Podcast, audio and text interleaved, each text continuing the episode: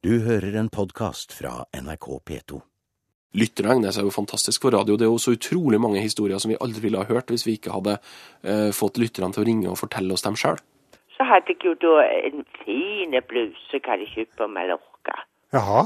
Ja, hvor har du lagt den henne? På soveværelset. Jeg har jo eget soveværelse. Har du eget, ja? Ja da, ja Når jeg skulle sett det verre. Da var det mandagen igjen, og her er Det fikser P1. Det var jo med vilje at vi delte ut sleiver, for det var jo et ekstremt sleivete program på alle vis. Ja, der fant du en sleiv, ja. Så det jeg gjorde, var at jeg bare skrev 'Kjærlighet uten grenser' på en lapp. Og så bretta jeg den sammen, akkurat sånne lapper som du gir i, i timene på skolen. og så bare sa jeg 'her er navnet', sa jeg til Kalle, og så ga jeg han lappen, og så åpna han opp lappen, og så satt han og så på den en stund, og så så han på meg, og så sa han 'ja, der er navnet'. Kurer, P2s mediemagasin. Via telefon, brev og e-post har dere radiolyttere diskutert, sendt hilsener, løst mysterier og delt historier med hverandre. Denne sendinga av Kurer skal handle om lyttere på lufta. Her står det Johanne Bach. Vil du gifte deg med meg? Jeg elsker deg overalt, min lille frosk. du verden. Eh, jo, det er fra Nief. Hei, Nief. Hei, Nief. Eh, og Nief skriver eh, hvis du skal skyte med luftgevær på øl og brusbokser, fyll det med vann. Da havner ikke skuddene ut i naturen. Det sparer miljøet. Jeg har den kassetten med to Leif. Å, men har du det? Ja. Du er ikke avhengig av han, du, er du det? Nei. Det får skjønne han Nils Jon han var liksom nærmest litt avhengig av da, skjønte jeg. Ja. Skal vi kikke den sønnover, kikker vi Lykketroll nordover, og så kikker vi kassetten sørover. Skal vi gjøre det? Ja da. Ja, men så flott, da! Ja. Åssen er det hos deg i dag, Peggy? Og det er bare skitværet. Historisk sett så har det faktisk vært ganske viktig for å gi radioen den riktige følelsen av et, en nasjonal arena. At vi har hatt med lyttere fra hele landet. Og at det spilte ingen rolle om du bodde i Sarpsborg eller eh, på Senja. Du kunne være med på radioen på telefon på like fot og være en del av en nasjonal helhet. Det her er Jon Branes, kanalsjef i NRK P1. En kanal med lange tradisjoner for å la lytterne komme til orde. Og Branes mener lytterkontakten er viktig. Lytterkontakt er med på eh, å gi lytteren en slags eierskap til det som foregår på lufta. Til programmet og til det det snakkes om. Følelsen av at man både kan bidra og at man kan uh, få mer ut av det ved å være med. Vi uh, i radioen snakker jo gjerne til folk på et eller annet plan. Men når det er lyttekontakt, så kan man snakke med folk, og folk kan snakke med oss. Og så bidrar jo lytterne til veldig mye god radio. Lyttere egner seg jo fantastisk for radio. Det er jo så utrolig mange historier som vi aldri ville ha hørt hvis vi ikke hadde eh, fått lytterne til å ringe og fortelle oss dem sjøl. Så hadde jeg jo da en fin bluse jeg hadde kjøpt på Mallorca. Jaha. Ja, hvit med lilla med Har du hørt historia om Mallorca-bluesen? Det var i 2007 at Mia Kristiansen ringte inn til NRK Rogaland med si historie om at noen hadde vært og stjålet blusen som lå til lufting i vinduskarmen hennes. Fy fader, altså. Jeg ble så forbanna, rett og slett. Ei real krimhistorie fra virkeligheten, fortalt med rikt språk og masse detaljer. Og så gikk jeg ut på badet og stelte meg litt, pustet tenner og tok på meg klær. Opp igjennom radiohistoria har det vært mange program via til å la lytterne komme på lufta. Jon Branes har flere favoritter. Jeg vil trekke fram Ønskekonserten, som jo har holdt på i eh, over 70 år. Der folk har skrevet med bursdagshilsninger og med andre typer hilsninger. Bryllupsdager, konfirmasjoner og personlige høytider. Og ønska seg musikk. Eh, Og det er den aller, aller enkleste og eldste formen for lyttekontakt. Det at man skriver brev, og man får svar på lufta.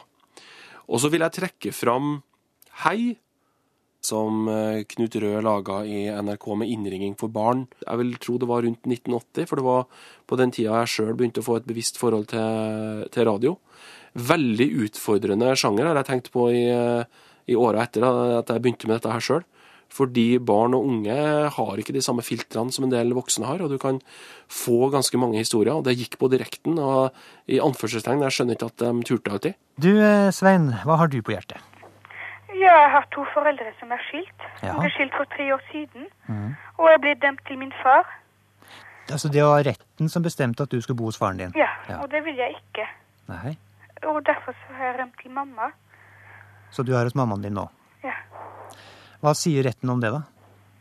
Jeg har ikke spurt dem ennå. Og så tenker jeg på Påskelabyrinten, som eh, jo er en gjenganger og en kjempesuksess hvert eneste år. Dra til Potala-palasset i denne fjellbyen, sier han. Ja, da skal vi til Lhasa i Tibet. Det skal vi. Helt riktig.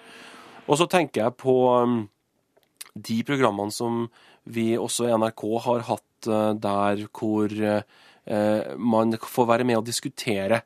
Rett på er det siste eksempelet, men eh, jeg husker jo eh, også andre program tidligere hvor, eh, hvor folk ringte inn og kunne være litt sint. Og en annen ting som irriterer meg grenseløst, det er at når politikerne og sånne kjendiser gjør noe feil, så blir de sykmeldte.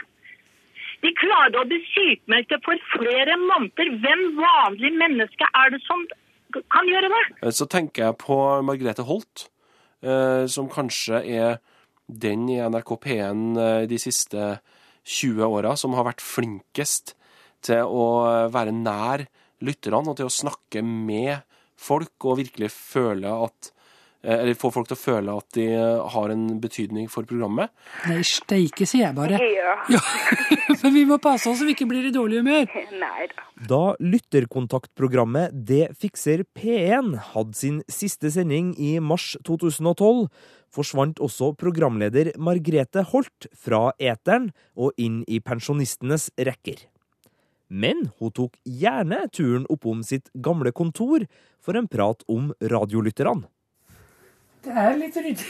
Nei, altså jeg hadde jo rydda, men jeg hadde mer, jeg hadde flere ting. Men det er jo helt ålreit. Det er jo som det var. Altså, jeg er så udramatisk, jeg skjønner du. Så jeg, jeg går ikke og samler på 'å, ingenting er som det var' og alt. Jeg er sånn 'i dag er det sånn'. I går var det slik, og i dag er det sånn. I morgen blir det sikkert et eller annet da. Jeg skulle jo sett det verre. Da var det mandagen igjen, og her er Det fikser P1. Det var jo et serviceprogram hvor lytterne skulle hjelpe hverandre hvis du mangla noe, hva det nå enn måtte være, så, som du ikke klarte å få tak i på ærlig vis, holdt jeg på å si. Så hadde vi det ut på lufta, og så kunne lytterne hjelpe. For det, det er utrolig mye ressurser blant P1-lytterne. Blant lyttere i det hele tatt. Men etter hvert som vi fikk fryktelig høye lyttertall, kan tenke deg når det var en 500 000 som hørte på oss på en vanlig mandag. Der er det mye rart samla blant 500 000, og særlig når halvparten av dem er halvbroren til Askeladden. Det er ei fra faren min. Jaha? Og det er altså stambok over vestlandshesten og Storefjordhesten i parentes. Ja. 14, nummer 14. Bind 14. Eh, Ja, det er merrer født til og med året 1940. Merrer før Jeg må le av de stambøkene. Jo, altså det begynte jo den gangen P1 heter P2, holdt jeg på å si, da vi delte splitta opp, ikke sant? Så at P1 var liksom den gode gammeldagse NRK, eller gode gammeldagse radioen, for det var jo bare én radio. Og så var P2 den lette radioen. Og da skulle det være sånn stripe gjennom hele forbundet som skulle være såkalt lytterkontaktprogrammer. Og da var det en Svein Pettersvold i NRK Telemark i Porsgrunn som starta det her. Og så Nils Magne Gjengedal, god dag. God dag. Er du enig i den sangen 'Hester er ålreite dyr'? Ja da, det er jeg. Det er du, ja. Ja da. Og den kan du synge alle versa til meg nå. Nei, den kan ikke synge. Kan du ikke synge? Er du langs klums, du, da? Jeg tror nok jeg har, har en evne til å få folk til å føle seg trygg, og at vi er på lag. Jeg var jo ikke ute etter å ta noen. Og så er det jo det at jeg jo jeg er så sleivete i kjeften, ikke sant. Men det kan jo være skummelt, men det kan være litt beroligende òg. Og det var jo derfor, bare som apropos, vi, hadde, vi delte ut sleiver til dem som hjalp oss. Og det var jo med vilje at vi delte ut sleiver, for det var jo et ekstremt sleivete program på alle vis. Ja, der fant du ei sleiv, ja. Her er sleiva. Mm. Det fikser P1-sleiva. Ja. Rosemalt og fin. Ja da. Og... Hvorfor ble det sleiv, sa du? Jo, for at det var så, alt var så sleivete. det var jo sånn Tre mil sør for Trondheim omtrent? Skal vi Ja, seks mil sør Seks for mil, er såpass, ja. Ja ja, sånn går det når en kjører fort med bil, vet du. Ja da. Hvor mange sånne sleiver har du delt ut? Vi passerte jo 10 000 før vi ga oss, da. Det er mye, altså. Det er mange. Det er mange. Fryktelig mange. Vi gjorde det, altså. Tenk på han som har sittet og malt det fikser P1 10 000 ganger. Det er ikke noe rart han ble litt rar. Men er belønning sånn For det er, jo, det er jo god belønning det å få seg sleiv. Er det en viktig del av lyttekontakten i radio, eller kunne dere holdt på med det likevel, tror du? Vi kunne nok ha holdt på med det lell, og når du sier god belønning, så spørs det jo hvordan du ser på det. Altså, du får jo ikke solgt den, altså det er jo ingen penger å få inn. Men det er noe med Vi liker å bli gjort litt stas på. Vi liker at noen sier du, du er en ålreit kar, du. Du er en ålreit person. Og da er denne sleiva et bevis på det, og da har vi noe felles, liksom. Over 10 000 lyttere endte altså opp med ei rosemalt P1-sleiv. Men veldig mange innringere får verken premie eller taletid på lufta. Radiokanalene er nemlig ganske selektive, og de bruker som regel silekorps for å bestemme hvem som egner seg på radio, og hvem som ikke egner seg på radio. Vi lar kanalsjef Jon Branes forklare nærmere. De må notere navn, telefonnummer, hva er det vedkommende som ringer har å bidra med, og en egen liten rubrikk. Hvordan høres vedkommende ut? Eh, er dette noe som vi tror egner seg til å ha på radioen? Eh, hva med den geografiske spredninga? Kjønn er viktig. sant? Det er noen program som tiltrekker seg veldig mange mannlige innringere.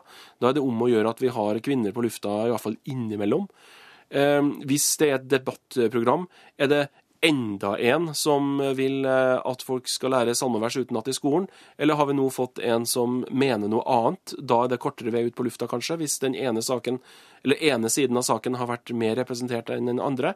Og alt det her er avgjørelser som blir tatt av produsenten til programmet på basis av de opplysningene som Silekorpset noterer ned. da. Det, det er noe som er helt klart at det ødelegger samfunnet vårt. altså. Nei, det er, det er ikke Nei, Jo, altså. altså, For mange jo, det- samleier ødelegger ikke et samfunn. Det er det motsatte som ødelegger et samfunn. Innenfor ekteskap så, så er jeg helt enig med deg. at Ja, men det er det er ikke noe forskjell på det. Da radiomonopolet forsvant i 1982, fikk også lytterne flere kanaler å boltre seg i. Det vi hørte nå nettopp, var Anders Høglund i programmet Tvert imot, som gikk på P4. Høglunds spesialitet var å kverulere med lytterne om aktuelle tema. Hadde du ei mening, var Høglund særdeles uenig. Da var tonen atskillig mer dempa på kveldstid i P4. Kjærlighet uten grenser var et friskt pust da det kom i 1993, og programleder Siv Stubbsveen husker godt da hun presenterte programnavnet til P4-sjef Kalle Lysberg. Så det jeg gjorde, var at jeg bare skrev 'Kjærlighet uten grenser' på en lapp. Og så bretta jeg den sammen, akkurat sånne lapper som du gir i, i timene på skolen. og så bare sa jeg 'her er navnet', sa jeg til Kalle, og så ga jeg han lappen, og så åpna opp lappen, og så satt han og så på den en stund, og så så han på meg, og så sa han 'ja, der er navnet'. Det er eh, kjærlige hilsener eh, som står på programmet som vanlig. Vi har eh, til og med et frieri i løpet av kvelden. Så det er jo et konsept som kom fra USA, som heter Love Lines i USA. Så jeg hørte litt på det, og selv om det var en helt annen type program på ett vis, så, så fant vi malen som vi skulle prøve ut i Norge. Og det var jo egentlig ganske spennende. Vi hadde jo hatt nattønske i mange år, men ikke noe som gikk spesifikt på kjærlighet, så det var veldig spennende å sette i gang med. Men eh, ja, det, det funka. Her står det Johanne Bach. Vil du gifte deg med meg? Jeg elsker deg overalt, min lille frosk. du verden. Vi var jo aldri helt sikre på om det ble ja, selv om alle tror at eh, det blir jo ja, men vi var faktisk aldri helt sikre på det. Og, og nervøse friere, ikke sant, som, eh, som da var med oss på direkten og skulle da spørre sin blivende, forhåpentligvis blivende på lufta. Nei, det var mange sånne herlige øyeblikk, altså. Som det var ganske rørende og romantiske. Akkurat sånn som Kjærlighet uten grenser skulle være. Frieri og kjærlighetshilsener er jo ganske personlige erklæringer. Men det skorta ikke på lyttere som ville dele sine følelser på lufta. Nei, Det gikk egentlig nesten helt av seg selv. Jeg tror det handla veldig mye om at det ble tatt på alvor. At eh, det ikke var noen som tulla med dem når de eh, fortalte om følelsene sine. At det rett og slett ble respektert og tatt på alvor. Jeg tror det var mye av grunnen til at folk kom til programmet. Hei, står det her. Jeg vil gjerne sende en hilsen til kjæresten min Pia, som forhåpentligvis ligger og sover med radioen på og drømmer om meg akkurat nå. Altså, gutter gutta var veldig flinke til å skrive litt annerledes brev, kan du si, enn det jentene har gjort. Altså vi jenter vi hadde jo vokst opp med romantikk og rosarøde skyer og prinsen på den hvite hesten, og, og, hadde vårt eget uttrykk på hvordan vi ville uttrykke kjærligheten. Mens gutta var, hadde jo ikke lest de, de, de bladene, for å si det sånn. Men sånn at det ble en helt annen tone i de breva fra, fra, gutta som jeg husker at jeg likte veldig godt. Og ikke minst det at eh, etter hvert så ble det like mange gutter som skrev inn som jenter. Og det er det kanskje ikke så mange som eh, skulle tro når vi starta opp, i hvert fall. Kurer, P2s mediemagasin. I gamle radiodager måtte en enten skrive et brev eller slå på tråden for å få sine ord på lufta men i dag er det vel så vanlig å sende en e-post eller en SMS til programmet du hører på. Og Jon Branes merker at denne teknologiske utviklinga har påvirka lytterkontakten. Den gjør det iallfall mye lettere og mer fristende for oss som lager radioen å ty til, fordi vi vet at uh, man kan lett få respons fra folk.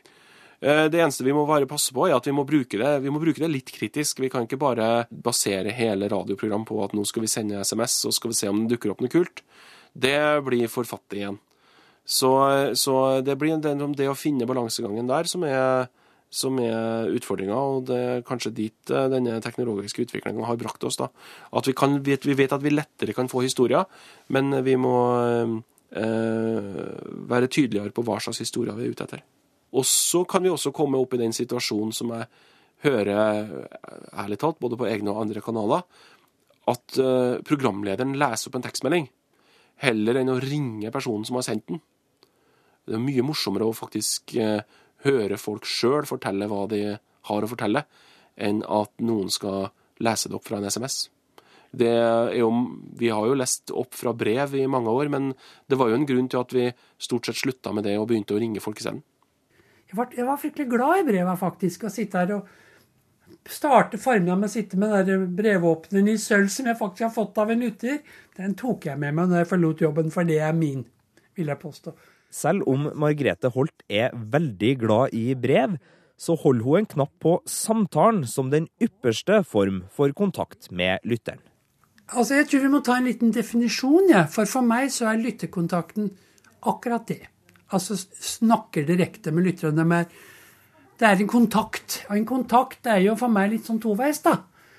Sånn at om du tar inn noe som har gått på en telefonautomat, eller om du siterer noe fra en SMS, så klarer ikke jeg få til at det er lyttekontakt, jeg altså. Men det er mulig at jeg er gammeldags der. Ikke bare mulig, det er veldig sannsynlig, faktisk. Men jeg syns det var litt synd at denne direkte lyttekontakten forsvant liksom den siste rest av det, på en måte. For det, ikke minst fordi at det, det heter jo at NRK P1 dette er er liksom din radio først på lyttekontakt og sånn, så da blir det litt sånn OK, sier du det, ja? Så jeg, jeg syns kanskje det var litt synd. Men de kaller jo lyttekontakt til andre, og det, det er jo bare et spørsmål om hvem som sitter med definisjonsmakt av det, da. Uansett om det brukes tastatur, stemme eller penn, mener kanalsjef Jon Branes at norske radiokanaler har et ansvar for å la lytterne komme til orde på lufta. Ja, vet du, det syns jeg egentlig vi kan si at de har, fordi at uh, det uh, det er på en måte en slags, iallfall for NRK sin del, uh, som jo er da lisensfinansiert og vi er betalt for av vårt eget publikum, så tenker jeg at det å ha publikums perspektiv i det vi gjør, og det å ha et øre til det publikum er opptatt av, og, og hva, hvilke emner og hvilke problemstillinger de er opptatt av, det plikter vi. Og det er sånn sett er lyttekontakt et viktig redskap for det. Uh, I NRK P1 så har vi jo nettopp hatt en omlegging av sendeskjema nå for bare noen måneder siden. Og da var det to lyttekontaktprogram som ble borte. Eh, og faktisk også egentlig et tredje, hvis du regner med Kamfer, som var et musikkprogram som gikk på kveldstid, som ofte hadde bidrag fra, fra, fra lyttere. Og Da var det og, debattprogrammet Rett på og, og Det fikser P1 som var dem som forsvant? Det, det, det stemmer. Og vi har ikke fått erstatta dem ennå, eh, sånn på ordentlig, men det jobber vi med nettopp fordi at vi syns at NRK P1 som en bred, samlende kanal bør ha flere Eh, program som, som vier seg til lyttekontakt, helt eller delvis. Etter at P1 la om sendeskjemaet i vår, forsvant de to store lytterkontaktprogrammene Det fikser P1 og debattprogrammet Rett på. Men nye program har også kommet til. Humorprogrammet Lunsj er den ferskeste arenaen lytterne har for å komme seg på lufta i Norges største radiokanal. Og programleder Rune Nilsson er ingen nybegynner når det gjelder lyttere på lufta. Hans lokalradioerfaring inkluderer annet lytterkontakt via bil. I Lunsj lar programleder Nilsson og produsent Torfinn Borchhus lytterne bli med på praten, akkurat som om de satt i den samme gigantiske kantina hele gjengen. Eller vi prøver å lage et bilde av lunsj som et svært lunsjbord. Hvor det sitter 500 600 000 mennesker rundt. Og alle kan ta ordet. alle, Hvis du har noe artig å komme med, så kan alle liksom bare si Du, jeg snakket med en fyr i dag. Bare du må, du må, Av praktiske hensyn så må du gjøre det på SMS eller e-post. For det vi må, ha en, vi må ha litt sånn redaksjonell kontroll på det. da. Vi må kunne ta ut det som er best. Geir Nilsen skriver at eh, kameraten hans bruker å si at det er greit å være gift så lenge det ikke går utover privatliv. det, det blir liksom en gjeng. Det, blir, det begynner som et bilde, og så blir det, så blir det en gjeng. Og vi er jo vi er over en halv million i den gjengen nå. Er alle lyttere disponert for å, å ta kontakt? Må man liksom hvordan- Det er rundt 600 000 mennesker som er innom det programmet i løpet av en time. Veldig mye folk. Og si hvis vi har en veldig god dag, og det er masse som skjer på SMS og e-post, så har vi kanskje kontakt med 300 av de. Da er det, da er det, da er det mye som skjer. Så, så andelen er jo forsvinnende liten, egentlig. Og, og, og mange av de er òg de samme. Ofte det ser vi. Vi har mange kompiser og venner. Vi har Randi som er med oss i Hun sitter i Frankrike og hører på nettradio hver eneste dag. Og hun Det er like sikkert som at klokka slår elleve, det, så sier han det hei på mail. Og, og vi, har, vi, har, vi har mange gode venner, men jeg tror òg ikke alle er gjengangere. Jeg tror de fleste har i seg, hvis de blir trigga på rette måten, at ja, fucken, den blir jeg med på. Og så sender de et eller annet. Uh, og det, det tror jeg det, det er en sånn helt normal mekanisme som sikkert du kjenner på hvis du er på en fest, eller hvis du er i et selskap. Hvis de da snakker om rakettforskning, så er det ikke sikkert du hiver deg på. Men når det blir snakk om tysk årgangsporno, så er du kanskje med. For å ta et eksempel. Så, så det, jeg tror nok det varierer litt. Men, Og det er ikke bare via tastaturet du kan hive deg med på lunsjpraten. Borchhus og Nilsson kan også finne på å ta telefonen hvis du slår på tråden. Ja, de kan til og med koble ut Silekorpset. Nå, altså, vi har en sånn quiz som vi drar med jevne mellomrom. Og så er det jo det, han som egentlig skal ta telefonen når folk ringer, Torfinn, som er produsent, han sitter inne og har den quizen. Så fant vi ut at det var fryktelig balete at han skulle springe ut og ta telefonen. Så da ba vi bare teknikerne bare sette de rett på heller. Og det er egentlig helt uhørt i NRK, så vi kan ikke sette for du må sile. Du må høre at det er bra nok. Men da gjorde vi det, da. Og det var veldig moro. Det har vi gjort én gang. Få det på! Hallo! puls- pulsen da? Nei, det går fint, det. Jeg er ikke så redd som jeg var. Og hvis det blir ille, hvis det er en som begynner å rope 'Heil Hitler', så får vi bare ta han ut. Det er jo ikke verre å beklage. Men eh, da blir det jo Det blir jo noe annet plutselig, da. NRKs programarkiv, avdeling radio. Til slutt i denne sendinga skal vi høre et klipp fra Norgesglasset i NRK P1 våren 2011. Ida Geirhovd fra Nordland hadde i over ti år hatt en melodi på hjernen, uten å finne ut hva sangen het eller hvor den kom fra. Ida søkte hjelp, og Norgesklassets lyttere ble kobla på saken. Det var slett ingen lett oppgave, og de strevde skikkelig i noen uker, men så kom gladnyheten. Med oss på telefon Ellen Wang Thommessen. Hei, Ellen. Hei. Da du hørte denne melodien, så kjente du den ganske fort igjen, gjorde du ikke det? Jo, det gjorde jeg. For den har jeg hørt eh, veldig mange ganger. Og det ble jubel da Ida endelig fikk høre den standhaftige lille melodisnurten. Der har du den, Ida. Ja. Hvordan opplevde du det her? Jeg er så glad for at det bare er én person som ser meg nå, fordi at jeg er nesten på gråten. Å, du kan få si hei til Ellen. Hei! Hei, du. Tusen hjertelig takk. Jo, bare hyggelig. Nå har jeg fått den på hjernen også. Du har hørt en podkast fra NRK P2.